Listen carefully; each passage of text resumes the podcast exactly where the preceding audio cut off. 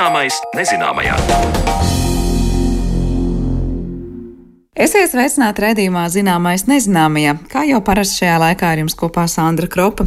Šodien mūsu uzmanības lokā nonākušas divas lietas. Vispirms jau aktīvās atpūtas cienītājs varētu interesēt, kas ar cilvēku organismu notiek brīžos, kad atrodamies augstu virs jūras līmeņa.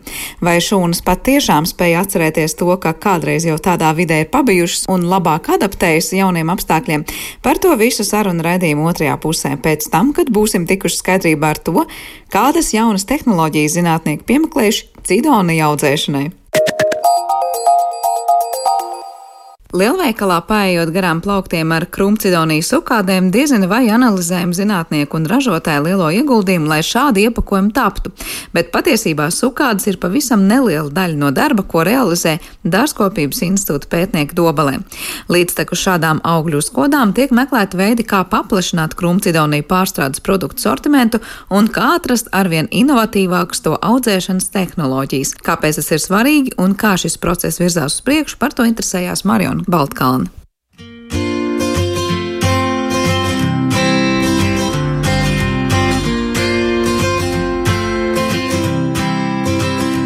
Jāsaka, 70. un 80. gadi bija tāds rīktīgs cidonija uzliesmojums, ja tā var teikt, Latvijā. Un, un tajā laikā arī tika stādīts liels platības un audzēts liels platības. Bet nu, tie pārstrādes produkti bija diezgan vienveidīgi. Bija sulas, jā, ok, nu, varbūt mācīja tur sīrupu uztaisīt, bet nu, nekas daudz jau nebija. Nu, lūk, un tagad burtiski pēdējos gados kaut kā ļoti, ļoti atkal viss ir atzīmes. Un lielā mērā es gribētu teikt, tas ir arī pateicoties mūsu institūta darbam, jo tātad tieši institūts bija tas, kas izstrādāja sukāžu tehnoloģiju. Protams, katrs teiks, jā, mājās jau sen mēs griezām tās sukādītes un mācījām žāvēt, bet nu, lielu apjomu pārstrādēju šīs eh, sukāžu tehnoloģijas. Pirmās tika izstrādātas tieši mūsu institūtā un patentētas. Un tad parādījās pārstrādes produkti un saprata viss, cik tā cukāda ir vērtīga un garšīga un ka tā var lielā mērā aizstāt bērniem ledenas un cita veida saldumus netik veselīgus. Tad pamazām, pamazām atkal tā interese pret krumcidānijām pieauga. Un tā mēs pamazām sapratām, jā, ka cilvēki grib audzēt atkal krumcidonijas, bet ir ļoti daudz problēmu. Jo viens ir tas iestādīt, un otrs ir izaudzēt tiešām kvalitatīvu produkciju. Arī mūsu pārstrādes zinātnieki, kas strādā pārstrādes jomā, ir konstatējuši, ka ļoti liela atšķirība šīm pašām sukādēm no kāda izējuma materiāla, no kādiem augļiem, cik kvalitatīviem, cik gataviem, vērtīgiem, ja to sukādu uzstājas. Tā par krumcidoniju renesansi stāsta Dārzkopības institūta vadošā pētniece Edīte Kaufmane. 2012. gadā institūts kā pirmais pasaulē arī pieregistrējis krumcidoniju šķirni kā augļaugu, jo līdz tam krumcidonija pasaulē pārsvarā audzēta kā dekoratīvs augs. Latvijā krumcidonijas galvenokārt tiek pavairotas ar audu kultūrām jeb meristēmām, ar kuru palīdzību krumcidonijas īsā laikā var audzēt daudz un kvalitatīvi.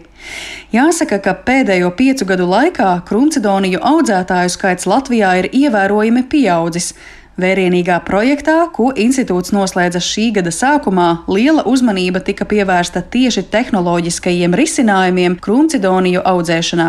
Par gūtajiem secinājumiem turpina Edīte Kaufmane. Tā tad ir liela problēma krumcidonijām cīņa ar nezālēm. Jo kamēr tie stādiņi mazi, viņi ir rūpīgi jākopja, jāravē, jārušina. Lielos apjomos to var darīt ar rušināmām mašīnām. Pirmos divus gadus ir ok, ka krūmiņš izplatās, izauga, sevišķi, ja tā nav šķirne. Un, teiksim, viņi, ir ļoti, ļoti dažādi. Cits aug uz augšu, cits izplatās guļ zari uz leju. Līdz ar to mēs to rušinātāju vairs klāt netiekam, aug iekšā nezāles. Nu, un pamazām tie stādījumi aizaug, diemžēl.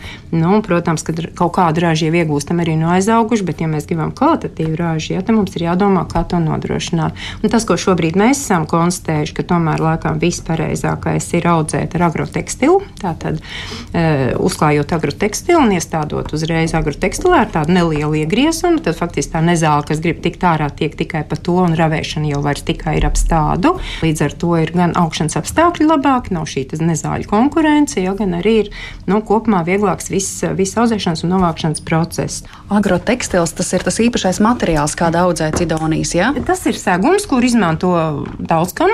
Piemēram, arī zemenes jau sen tiek audzēts ar agrotekstilu. Ja? Tā tad nu, pozitīvā lieta tas, ka tā tad atšķirībā no plēves viņš laiž cauri mitrumu, līdz ar to nav obligāti vajadzīga apūdiņošana. Un krumcidonija vispār nav tik ļoti jūtīga pret uh, sausumu. Uh, līdz ar to nav tik traki, un viņai pietiek ar to. Ja? nu, protams, ja nav galīgi sauss vasaras.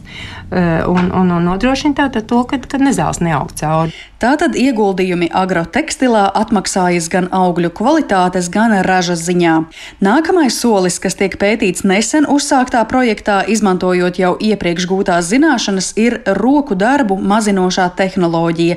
Kā norāda Edīta Kaufmane, tad roku darbs laukos ir nopietna problēma, tāpēc ir jādomā par tehniskiem risinājumiem, kā to visu atvieglot. Un tātad jaunajā projektā tā ideja ir, ka šobrīd ir tādā pa pusē izstrādes stadijā, tātad agregāts, jā, kurš vienlaicīgi ieklāj plēvi, un tātad uh, cilvēks sēž uz šī aparāta un stāda līdzīgi kā mēs to darām ar kāpostiem, ar, ar vēl visu kaut ko zemenēm, jā, bet tātad šeit ir specifiski pielāgots tieši krumcidonijām, klāj iekšā to agrotekstilu segumu un uzreiz jau uh, stāda iekšā stādiņus. Nu, mēs, protams, arī rēķināsim visu ekonomiku, cik tas notiek ātrāk, jā, cik tas, teiksim, viss ieaugšanās laba. Nu, līdzinējā pieredze šobrīd, kas ir šim eksperimentālajiem modelim, ir laba, bet nu, jāstāsta, kā tas strādās praksē.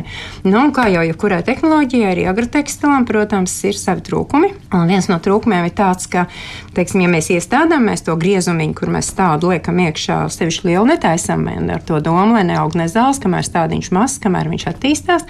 Nu, tas, ko mēs novērojam, ja tāds mazs viņš arī paliek, tad, protams, ka nav kur tam jaunajiem dzinumiem īsti likties. Un tagad, kā saka, pētījumu gaitā, taisot vaļā šo segumu un skatoties, mēs konstatējam, ka gandrīz pusi no dzinumiem ir zem šī seguma, palikuši bāli un nelaimīgi. Kā saka, enerģija tam krūmam atņem, jo viņam tāpat ir, kā saka, jāveido šis dzinums, bet raža, protams, nedod.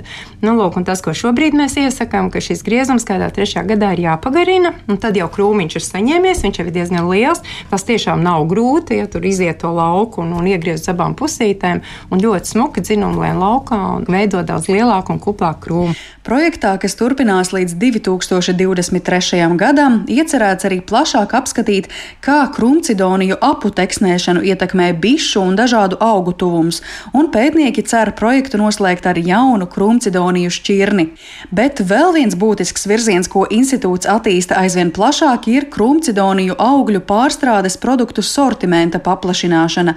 Ražojot sukādes, vienmēr kaut kas paliek pāri, tāpēc ko darīt ar to un kā no krumcidonijām iegūt pēc iespējas vairāk labumu.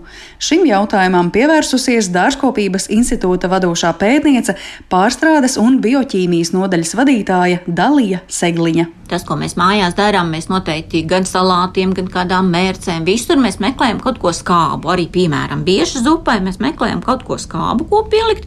Nu, vai tādēļ mums ir jādzīvo ar etiķi, vai citronu skābi, vai askorbīnu skābi. Lūk, šī izēviela samalts šāds te uh, serdas daļas pulveris no krumcidonijām ir vienkārši lielisks šis skābinātāja avots, kuru mēs varam izmantot. Nu, un arī tādā veidā mēs strādājām un mērķiecīgi izstrādājām uh, vairākas receptūras uh, tieši šādu mērķu gaļas kvalitātes uzlabošanai, kur kā pamata skābinātājs ir šis krumcidoniju uh, serdas daļas pulveris ar lielu skābumu, nu, un, protams, arī ar to vērtību vēl, kas tur ir iekšā. Un otrs, uz ko mēs vērsām lielu liela uzmanība ir sēklas. Šajās krumcidonijas sēklās ir nu, salīdzinoši daudz eļļa iekšā. Bet, uh, nebija līdz šim kārtīgi izpētīta šī krumcidoniju sēklu eļļas ķīmiskais sastāvs un ko tad ar viņu var vispār izdarīt. Nu, un pateicoties arī mūsu labajiem aprīkojumiem, ko mēs esam ieguvuši pēdējos gados, mums bija tādas iespējas tā kārtīgi papētīt, ko tad satur šī krumcidonija sēklēļa, līdz ar to, lai tālāk atkal mērķiecīgi mēs varētu teikt gan uzņēmējiem, gan arī tiem, kas varētu nākotnē pirkt šo eļļu, kādam mērķim tad viņu var izmantot. Nu, un, protams, arī atradām tādu lietu, ka um, to varētu ļoti labi izmantot gan farmācijā, gan kosmētikā, gan arī to var lietot arī pārtikā. Jo daudz savienojumi, kas ir šajā kromcidonijas sēkleļā, ir pat ļoti līdzīgi mūsu saulespuķu eļļai. Nu, un vēl viena interesanta lieta, ka šī kromcidonijas sēklu eļļa attiecīgi un pareizi sagatavota ir ļoti labs antioksidanta, piedeva citām eļļām, kuras savukārt ļoti ātri oksidējas. Nu, piemēram, tur varētu būt linsēklu eļļa, kaņepju eļļa un arī kaut vai tai pašai rapšu eļļai vai sālspuķu eļļai, kurai vajag stabilizēt un cevišķi tām eļļām, kuras varbūt izmanto vairāk kosmētikā, lai pēc iespējas ilgāk viņas saglabātos un nenotiktu šis oksidācijas process. Un vēl es saprotu, ir arī iespēja izmantot zemes kvalitātes augļus, no tiem radīt sulu, vai arī tas ir blakus produkts. Nu, no vienas puses, jā, no otras puses, varbūt ne augļi paliek augļi, bet, ja mēs skatāmies uz sukāžu gatavošanu, šie šķirotie augļi, tie maziņie, un varbūt kāds superuber lielais auglītis, jā, viņš nederēs, bet viņš ļoti labi der sulai. Un atkal šeit bija tā ideja, salīdzinājumā Latvijā varbūt vēl otru, jāsaka, kātu dārzeni rabarbaru varētu nosaukt par tik ļoti skābi saturošo izēvielu, kāds ir krumcidonijas. Un tādēļ te nāca tas nākamais solis, nākamais mērķis dabūt ārā to skābumu, vai arī, precīzāk sakot, izmantot šo krumcidoniju skābumu nākamo produktu izstrādē, ražošanā nu, un mērķiecīgs saka, plāns. Realizētajiem projektiem ir gan fundamentāla, gan praktiska nozīme, lai krumcidoniju produkti neaprobežotos tikai ar vietējo tirgu vien. Tāpēc institūta sniegtās zināšanas ražotājiem varētu būt noderīgas, bet pašiem institūta pētniekiem prātā jau rosās jaunas idejas par krumcidoniju produktiem. Par krumcidoniju audzēšanu un pārstrādes produktiem stāstīja Dārzkopības institūta vadošā pētniece Edita Kaufmane, kā arī Dārzkopības institūta vadošā pētniece pārstrādes un bioķīmijas nodaļas vadītāja Dalija Segliņa. Dārzkopības institūtā Dobelē viesojās mana kolēģe Mariona Baltkalne, bet inovācijas noteikti meklē arī cilvēka ķermeņa pētnieki, lai saprastu, kā pielāgoties videi ar neierastu skābekļa daudzumu. Par to visu plašāk runāsim raidījuma turpinājumā.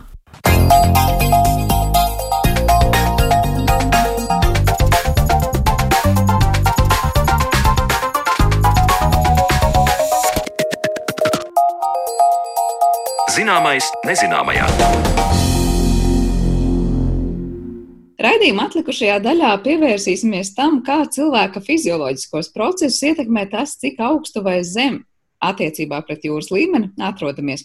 Atbildes meklēsim kopā ar diviem mūsu zinātniekiem, kur arī paši gana bieži uz savas ādas izjūt šīs pārmaiņas, jo aizraujas ar alpīnismu. Un tad mūsu improvizētajā studijā ir Latvijas Universitātes bioloģijas fakultātes asociētā profesora Līga Plakane un Rīgas Stradiņa Universitātes ķirurģijas katedras lektors un urologs Linārds Reitmanis. Labdien jums abiem! Labdien! Eh, vispirms par to, ka jā, mums ir tāda unikāla iespēja runāt ar cilvēkiem, kas ir gan zinātnē uz tu, gan alpīnismā uz tu. Eh, vai mēs varam uzreiz pateikt, kas ir tās augstums virs jūras līmeņa, kad mēs varam sākt runāt par kaut kādām izmaiņām, kas fizioloģiski notiek cilvēka organismā? Vai jums ir konkrēts metru un kilometru atzīmes? Izmaiņas organismā sākas jau tūlīt izmainās skābekļa daudzums atmosfērā. Bet ne jau vienmēr tikai atmosfēras skābekļa daudzuma samazinājums jau liek dažādām organismu funkcijām pielāgoties, bet pat tad, ja organisms sāk ļoti daudz patērēt skābekli, arī jau mums ir jāpielāgo elpošanas izdarbība un daudz kas cits, lai nodrošinātu ar pastiprināto skābekļu pieprasījumu. Kalnu, kalnu fizioloģijā un kalnu medicīnā uzskata, ka tās e, pārmaiņas e, sākas būtiskas pārmaiņas, jeb aklimatizācija sākas no 2000 e, metru virs jūras līmeņa augstuma, kad būtiski sāk pieslēgties funkcijas šim samazinājumam gaisā. Un tātad tas ir tas brīdis, kad mūsu organisms intensīvāk jutīs tās pārmaiņas nekā, ja mēs būsim zemākā augstumā. Patiesībā sakot, ko nozīmē sajust? Sajūtas, ja mēs saprotam, kā apzinātas, tad tās mēs varam arī nesajust. Bet organismā sajū, sajūtas uh, rodās tad, kad tas jau ir nonācis līdz apziņai galvā. Bet, uh, Izmaiņas skābekļa daudzumā sajūt receptori, atbildīgi receptori asinīs eh, un arī galvas smadzenēs hipotalāmā. Jau tad, kad tās ir ļoti niecīgas, pirms vēl sajūta, apzināta sajūta veidojās. Tā kā tiklīdz tas skābekļa daudzums asinīs eh, ir ārpus tā normālā, jeb ikdienišķā, tūlīt to ķīmiju receptoru uztver un palaiž tās atbildes reakcijas, pastiprināt elpošanu pātrinātu sirdsdarbību, dažādus arī citus vēl mehānismus, par ko mēs droši vien parunāsimies. Bet tas jau notiek, nu, varētu teikt, plus mīnus sākot no 2000 metriem virs jūras līmeņa. Tā būtiski. Mm -hmm. Linārda, vai ir kas piebilstams pie tā, kur jau līga iezīmē šīs atzīmes, no kurām sākam kaut ko vairāk runāt par to, bet nu, sajūtas, protams, kā līga jau teica, ir piemeklē mūs pirms mēs tās saprotam, vai par tām sistēmām, kas tiek ietekmētas, varam uzreiz runāt.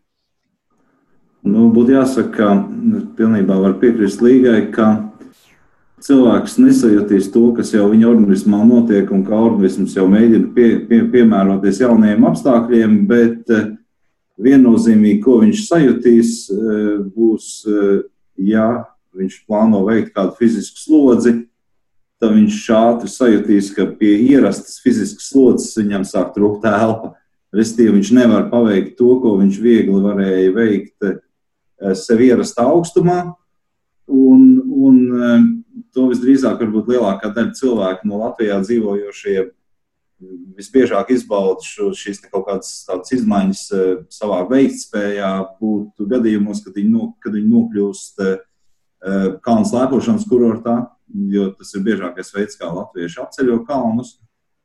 Un tur arī dažkārt pacēlās ceļš līdz 3000 metru augstumam, un augstākie tie slēpošanas pacēlāji, jeb turistu pacēlāji Eiropā ir līdz 3800 metriem.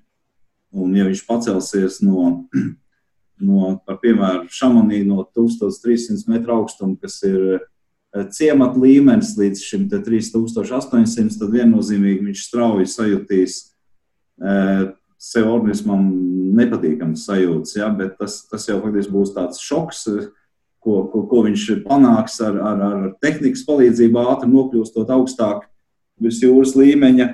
Bet tādā lēnākā procesā, ja viņš pats mēģinās pacelties virs jūras līmeņa, tad eh, pakāpeniski viņš jutīs, ka viņa veiktspēja samazinās. Tātad visi tie minētie simptomi, kas ir tipiski eh, kalnu, tādu, nu, kalnu slimības priekšvēstneši, tā varētu teikt.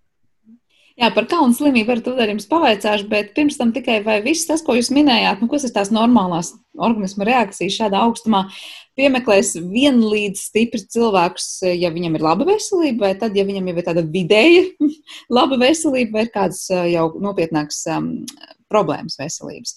Vai tur ir kaut kāda atzīme, pie kuras jau, piemēram, sirds slimnieki vispār pat varbūt 20 metrus virs jūras līmeņa vairs nevarēs izturēt? Tā gluži nebūs, ka, ka Tad izteiktākās tās izmaiņas varētu būt tiešām eh, nu, kaut kādas pamanāmas jau pie diviem kilometriem un augstāk. Un, protams, ja cilvēkam ir elpceļu mazspēja, sirds mazspēja, tad, ja arī stenokardītā, tad jau, jau, jau ir asinsvads sašaurinājumi, jau ir eh, sirdī skābekļa trūkums, tad viennozīmīgi atrašanās šādā augstumā un vēl fiziskas slodzes apstākļos, tas viņam varētu būt bīstami, bet eh, Pārsvarā viss ir atkarīgs no tā, ko viņš grib paveikt šajā augstumā. Un jāsaka, ka es varu, es precīzi nevarēšu pateikt, cik mazāk skābekļi ir lidmašīnas salonā, bet viņš viennozīmīgi lidojuma laikā nav atmosfēra tādā, tādā daudzumā šis skābekļa saturs. Kā, 2000 kā, metri. Cik? 2000 metri virs jūras līmeņa. Tā, tā nu, jā, man atmiņā bija kaut kur pie 3, tātad 2000 metri Eh, virs, virs jūras līmeņa. Tā tad nu, eh, skaidrs, ka mēs eh, lidmašīnā lielu fizisku slodzi neveicam, sēžam krēslā un gaidām, kad laimīgi nolaidīsimies. Bet, bet runājot arī par lidošanu, ja cilvēki lido uz Dienvidameriku, kur šīs galvaspilsētas, jeb lielas pilsētas, jeb turistiem iecienītas pilsētas atrodas augstu virs jūras līmeņa, un, teiksim, Ekvadorā, Kito kas ir galvaspilsēta, atrodas 3 km augstumā, eh, un ir dažas, kas ir vēl augstāk, tad, eh, tad viennozīmīgi tas būs liels šoks organismam.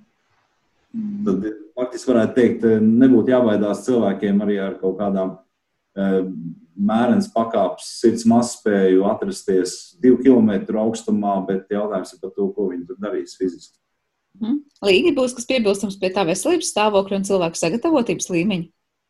Pilnīgi noteikti visnotaļ piekrītu, jo jārēķinās, ka nu, nav jau tā, ka tie, kas pastāvīgi dzīvo lielākā augstumā virs jūras līmeņa, visi ir ļoti veseli cilvēki.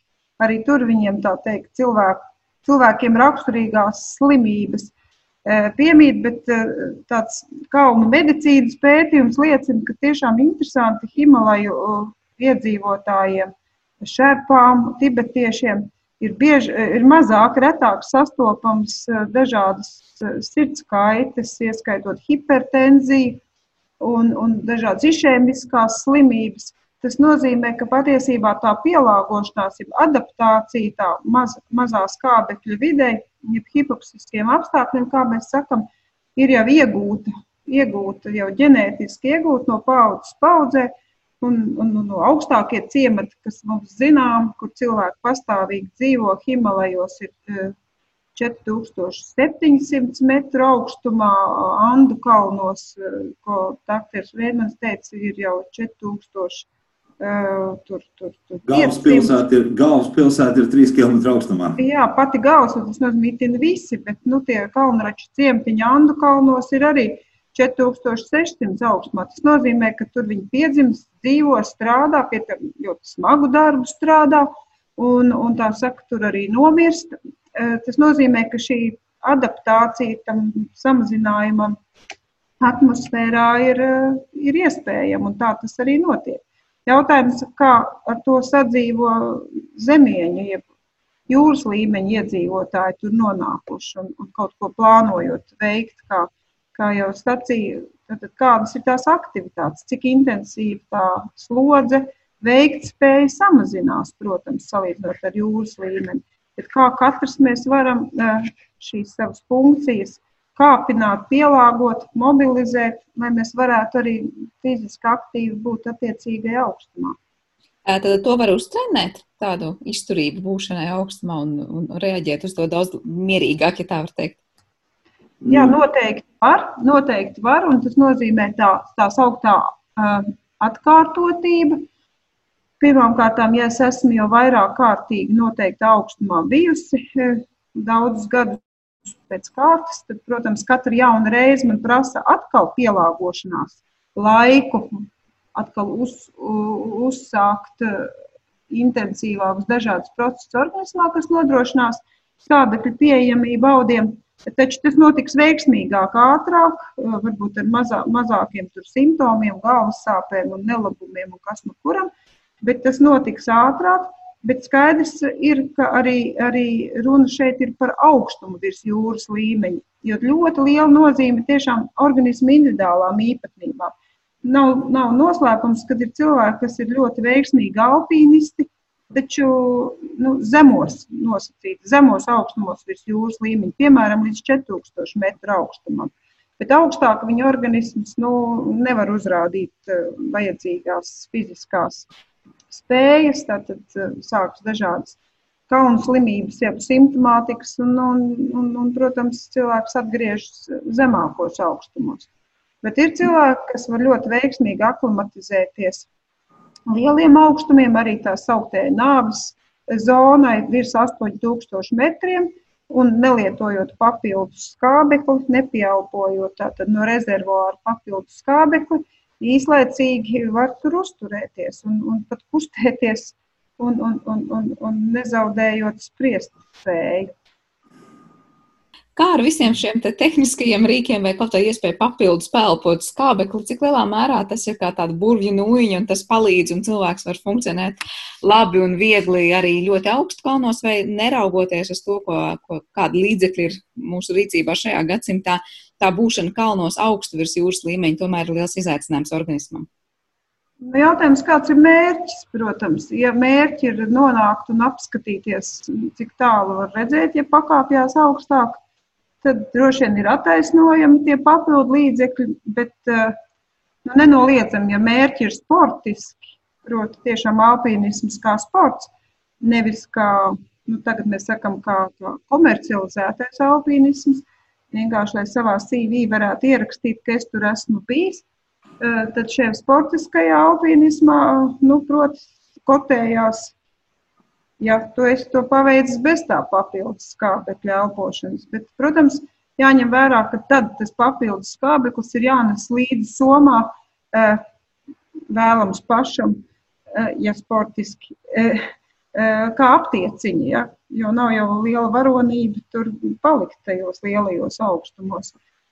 Bet es drusku gribēju vēl, vēl papildus teikt, ko, ko Līnāts sacīja ka jā, ja mēs atkārtot nonākam šajos apstākļos, mums jau ir izveidojies kaut kāds uzvedības reakcija komplekss, kā mēs uzņemam katru šo atkārtot jauno situāciju, bet kas mums jau ir bijusi pazīstama.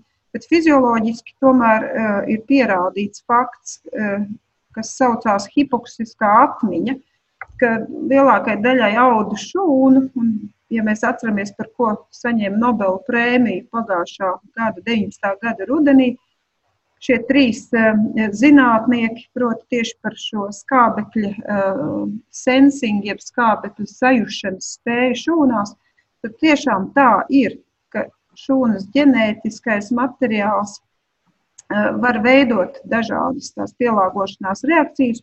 Un, ja tas jau ir atkārtots hipoksisks moments, hipoksiska situācija, tad tās atbildes reakcijas notiek nu, ātrāk, vienkārši īsākā laikā, ar mazāku resursu patēriņu. Un tas nozīmē, ka cilvēks, kas jau ir bijis, ja, ne par velti mēs senos laikos ar Linārdu jau no tā, tā gadsimta un tās iekārtas nākuši, zinām, ka bija tā pakāpenība, ka tu nevarēji tā pirmo reizi kalnos uzreiz, tagad ļoti grūtā, ļoti lielā augstumā dosies. Tad bija jāsāk ar, ar zemākiem kalniem, ar vieglākām fiziskām slodzēm, gan dienu skaita ziņā, kilometrāžas, tehnisko grūtību ziņā, un pamazām pa gadiem tas tika kāpināts. Tad tu ieguvi šo pieredzi, uzvesties un, un darboties, un sevi iepazīt, savu organismu iepazīt un iepazīstināt ar šiem apstākļiem pakāpeniski. Un patiesībā tā pakāpenība atkārtojas katru reizi, kad tu ierodies jaun, no jauna kalnos, dzīvodams jūras līmenī, atkal viss no sākuma. Tikai tad tev tai aklimatizācijai ir vajadzīgs mazāks, varbūt dienu skaits un nu, mazāk resursu. Tu vieglāk šo aklimatizācijas posmu izēji. Bet vienalga, katram ir atkal un atkal jā, vajadzīga šī aklimatizācija, aklimatizācijas dienu periodu. Vai, kāds, vai, kāds limits, vai ir kāds limits, cik ilgi, cik daudzas dienas cilvēks var uzturēties šādā augstumā, tad, kad viņš jau ir aklimatizējies, vai pēc tam tur īpaši nekāda ierobežojuma nepastāv? Izteikt precīzi dienas skaits nav, nav, nav nu, nosakāms, tā varētu teikt, bet eh, mēs eh, nu, vismaz tā teorija, kas, kas ir kādreiz tika mācīta, iespējams, ka arī tur nav liels izmaiņas notikušas, ka tiek uzstīts, ka ir tas adaptācijas posms, kurā mēs pielāgojamies, un tad mēs sasniedzam, nu, mēs nekad nesasniedzam tajā augstumā, pat ja tie būtu 4 km, mēs gan īsti nekad nesasniedzam to veiktspēju, kas mums ir uz jūras līmeņa. Un tad mēs kādu laiku tur funkcionējam tajā augstumā. Un atkal atkarīgs no tā, vai mēs tur vienkārši sēžam, meditējam, ja mēs tur katru dienu kāpjam kādā kalnā. Zinām, mērā tā ir diezgan liela slodze organismam, un nevienmēr organisms spēj pilnībā pēc tām slodzēm atkopties. Un, ja mēs fiziski aktīvi pavadām šo laiku kalnos, tad, ja tā nav tikai meditācija, tad, zinām, mērā kaut kādā brīdī iestājās cilvēku nogurums. Un tā kādreizējā teorija vēstīja, ka ap kaut kādu 20. dienu sākās tāds tā kā hronisks nogurums, jeb spēju kritums, kas var būt atkarībā no cilvēka šīs trenētības un iespējams arī šīs līdz minētās hipoksiskās atmiņas, iespējams, ka viņš var pagarināties, bet viņš nav bezgalīgi ilgs un uh, sevišķi zemienes cilvēkiem. Tātad mēs varam gaidīt, ka pēc kaut kādām trijām, četrām nedēļām kalnos, ko mēs pavadām ar, ar, ar kaut arī ar atpūtas dienām, mēs eh, varētu sākt justies nedaudz izsīkuši. Un, teiksim, par, runājot par lielajiem augstkalniem, jeb to, ko sauc par ekstrēmajiem augstkalniem, tas uzskats un pierādījums ir tāds, ka līdz uh, pieciem ar pus kilometriem, ja 5500 metriem, cilvēks var uzturēties ilgstoši. Protams, nu, atkal jau pakāpeniski tam adaptējies iepriekš. Tad tas augstums būtu, nu, tas ir apmēram lielo kalnu 8000 bāzes nometnes, ja, gan Himalajos, gan Karakoruma kalnos. Bet šādā augstumā tas atmosfēras skābekļa parciālais spiediens ir kaut kāda 80 liekas, mm dzīvesdarba staba. Bet, ja iet jau virs 6000 metriem, tad organismu funkcijas nu, pat mazu kustoties pasliktinās un atjaunošanās procesi nu, nenotiek. Nav skābekļa. Tajā brīdī, kad atkal pakāps lejā, tad atjaunošanās process notiks. Jā, es tā es saprotu. Jā. Tāpēc, jā. Jā. Līga te teica pirms brīža kalnu slimības dažādas. Vai tās ir vairākas? Parasti mēs dzirdam piesaucam vienu, vai varat izstāstīt, kas īsti ir ar tām kalnu slimībām? Nu jā, tur droši vien, ka labāk ir, lai, lai, lai dakteris formulē, bet kalnu slimība patiesībā ir daudzu uh, si, sindrom, simptomu kopums, un tāpēc tas ir sindroms, un viņi nespecifiski. Un te runāt par akūto kaunu slimību, kas nozīmē, nu, ja tas organisms pavisam lēnām pieņem jaunos apstākļus, nu, tad, tad, tad mēs sajūtam to, ka grūti iet ar to aklimatizāciju. Nu, visbiežāk pirmais ir sāp galva. Uh, nu, to var novērst, tad, tad sākotnēji padzerot šķidrumu vairāk, jo šķidrumu patēriņš ir, ir, ir noteikti lielāks, elpojot sauso kalnu gaisu Uh, nu, tad varbūt arī vēl citi simptomi saistīti ar, ar, ar miega um, traucējumiem, pastāvīgs nogurums, apetītes trūkums, varbūt nelabums, slikta duša, kaut kas tāds. Bet uh, um, jau tā smagākā kauna slimības forma nozīmē smadzeņu un plaušu funkciju traucējums, nu, kas var attīstīties tātad neaklimatizējušamies cilvēkiem, strauji paceļoties lielā augstumā. Nu jā, tad, tad tā traucējuma smagākā forma ir eh, plaušu vai smadzeņu tūska, kas nozīmē, ka eh, uzkrājas smadzeņu vai plaušu audos šķidrums, un, eh, un, un, un tad, tad ir apgrūtinātas gan smadzeņu funkcijas, gan, gan elpošanas funkcijas. Un tad nu, ir viens tikai variants - samazināt augstumu, papildus pieelpot skābekli. Augstkalnu ekspedīcijās bāzes nometnēs ir tās e, kameras, e, kurās, kurās uzturoties var tātad samazināt tur atmosfēru un, un it kā nolaižoties kilometru zemāk un, tā teikt, atjaunināt bioķīmiju organismā un, un, un uh, iegūt handikapu, lai dotos lejā pats saviem spēkiem. Mm, ja to nedarīs, tad, protams, var attīstīties ļoti smagas izpausmes, kas var beigties arī, protams, letāli ar bojāju. Pieredze ir, jā, diemžēl, dažādi šajā sakarā. Kas ir tas vis, vistrakākais, ko pašiem nācies piedzīvot šajā sakarā? Nu, es personīgi neesmu pārāk augstu kāpis savā mūžā. Augstākais, cik es esmu uzkāpis savā mūžā, ir 6 km 300, kas nav daudz un nav arī maz. Personīgi es par laimi neesmu piedzīvojis ar savu veselību kaut kādas nopietnas notikumus, bet uh, esmu bijis vairāk kā, kā vērotājs uh, savu biedru, jeb citu uh, kāpēju organismu izmaiņas vērojis. Un, un traki, ne traki, bet spilgti diezgan palika atmiņā viena turistu grupa, kas kāpa Elbrus virsotnē, kas ir 5 km 600.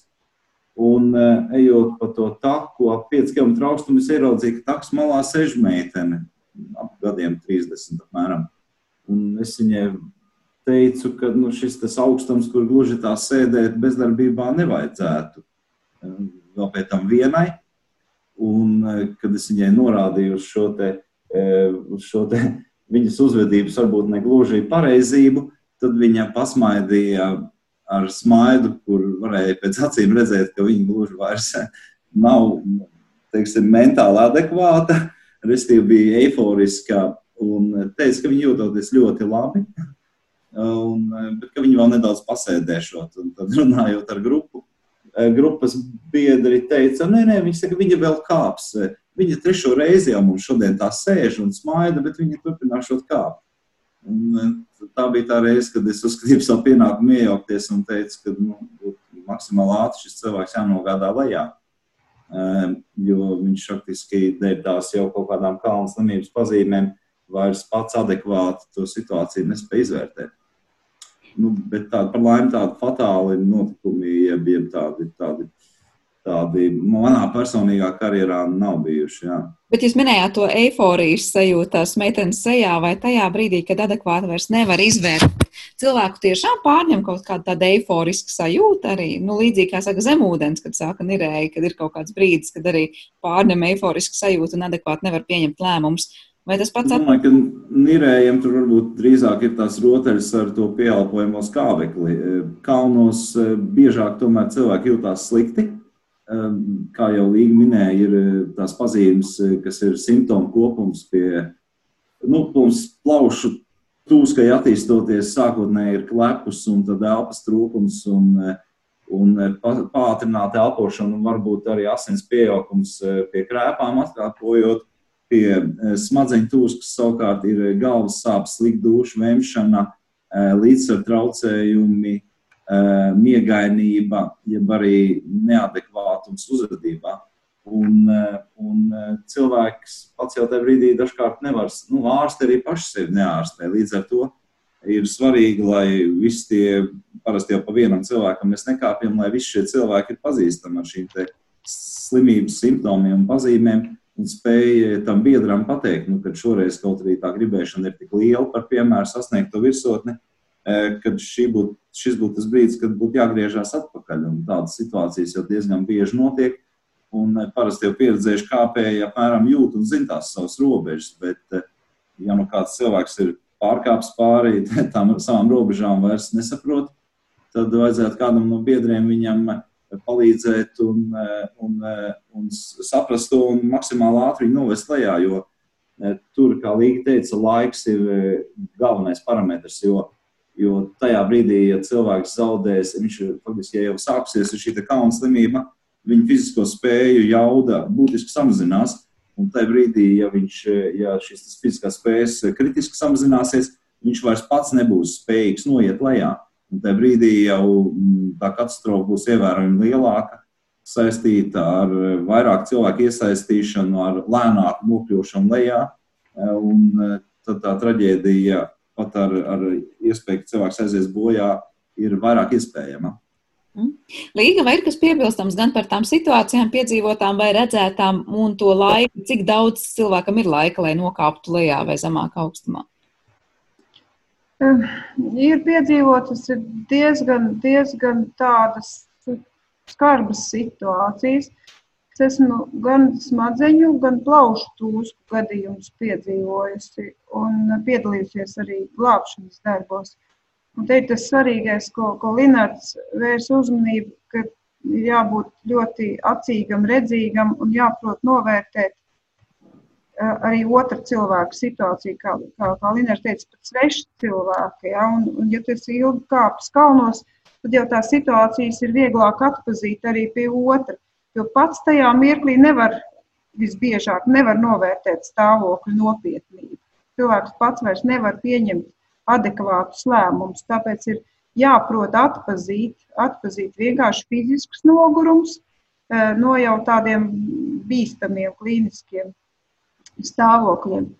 Un, nu jā, nu tas nozīmē, ka cilvēks eh, pirmām kārtām uh, nevar, nevar pēlpot. Kā to var novērtēt? Ļoti vienkārši pamēģina pēlpot ar šo uh, vienā ritmā. Ja? Jo parasti cilvēkam, kuram sāksies jau plaušu tūskas uh, pazīmes, viņš elpo ļoti sekli un strauji, elso tā kā suņuks. Un, ja es, kurai nav šādu pazīmi, es pamēģinu tādā ritmā, kā viņš elpo, tad man paliek grūti. Jā, es noreipstu no tādas ausošanas, tik hiperventilācijas. Uh, nu, tur pazīmes, tur zilas lūpas un, un, un nespēks un aizdus.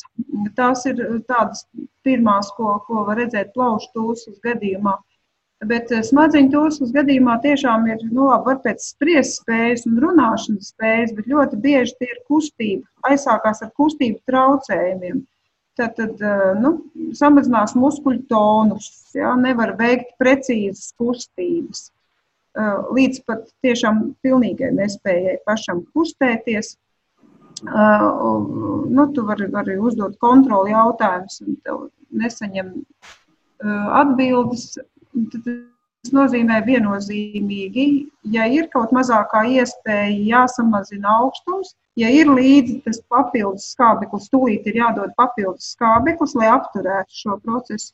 Vai arī, ja tās ir tātad šīs tūsku pazīmes, nu jā, jādod kādi ūdeni e, ārā dzenoši līdzekļi, burīna dzenoši līdzekļi, kas, protams, nu, nedrīkstētu būt tāds nu, nepieredzējušs cilvēka e, darbības nu, nu, es, es nezinu, ārsts noteikti man akceptēs, ka, ja cilvēkam nav pieredzes un izpratnes par devām, tādā brīdī tad var atkal otrā galējībā nonākt pārāk daudz šķidrumu zaudēt.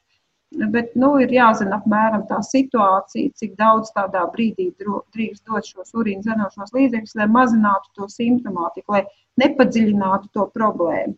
Bet, ja nav pašiem iespēja tātad kustēties, tad ir jālūdz palīdzība, vai nu ir kādas citas ekspedīcijas dalībnieki jā, jāsauc talkā, vai jāizsauc, protams, glābšanas darbi, kādi citi no zemākām nometnēm, vai, vai arī nu, helikopteru pakalpojumi.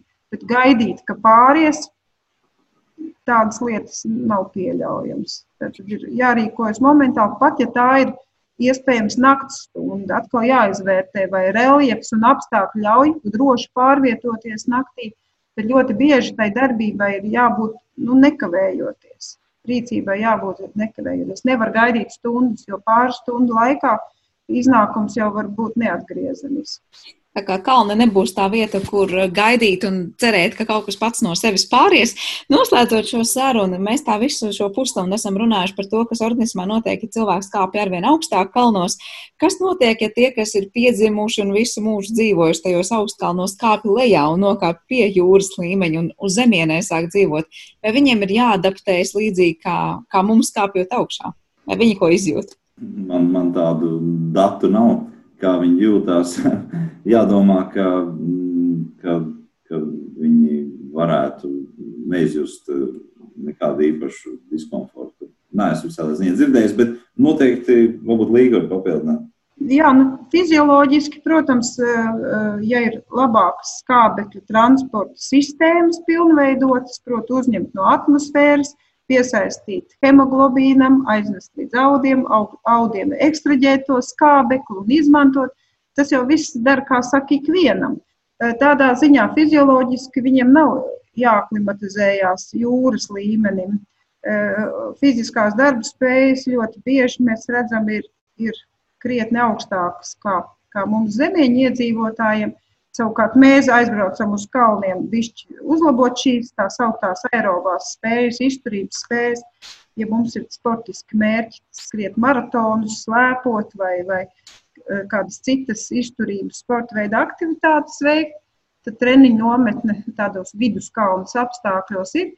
Bet konkrēti tie, kas iegūst kaut kādas e, priekšrocības, e, tur kalnos uzturoties, kāpjot īslaicīgi mēnešu, pusotra mēneša laikā aklimatizējamies tiem apstākļiem, tad atbraucot atpakaļ uz Zemes, e, apmēram trīs nedēļu laikā tie man, man raksturīgie etalonu rādītāji, hemoglobīna daudzums un visādas citādas lietas atjaunojās man raksturīgajos jūras līmeņa e, ciparos. Es nevaru aizbraukt uz kalniem un iedomāties, ka es tagad būšu baigi, baigi tur tā saka, uz visiem laikiem ieguvis augstāku eritrocītu daudzumu, hemoglobīnu, labākus plaušu tilpumus un, un, un visādas citādas lietas. Nē, nē, tie atkal paši atkal pielāgosies jau vajadzībām, nepieciešamībām šeit jūras līmenī nodrošināt visus šos fizioloģiskos procesus. Tā kā tas nebūs, tas nebūs kā, kā uz mūžu iegūts handikaps. Jā, tad, tad eh, nav tā. Nu, tas vienreiz pierāda to, ka mēs esam dzīvi organismi un mūsos visu, visu laiku plūst un mainās, un nekas nav tik statisks.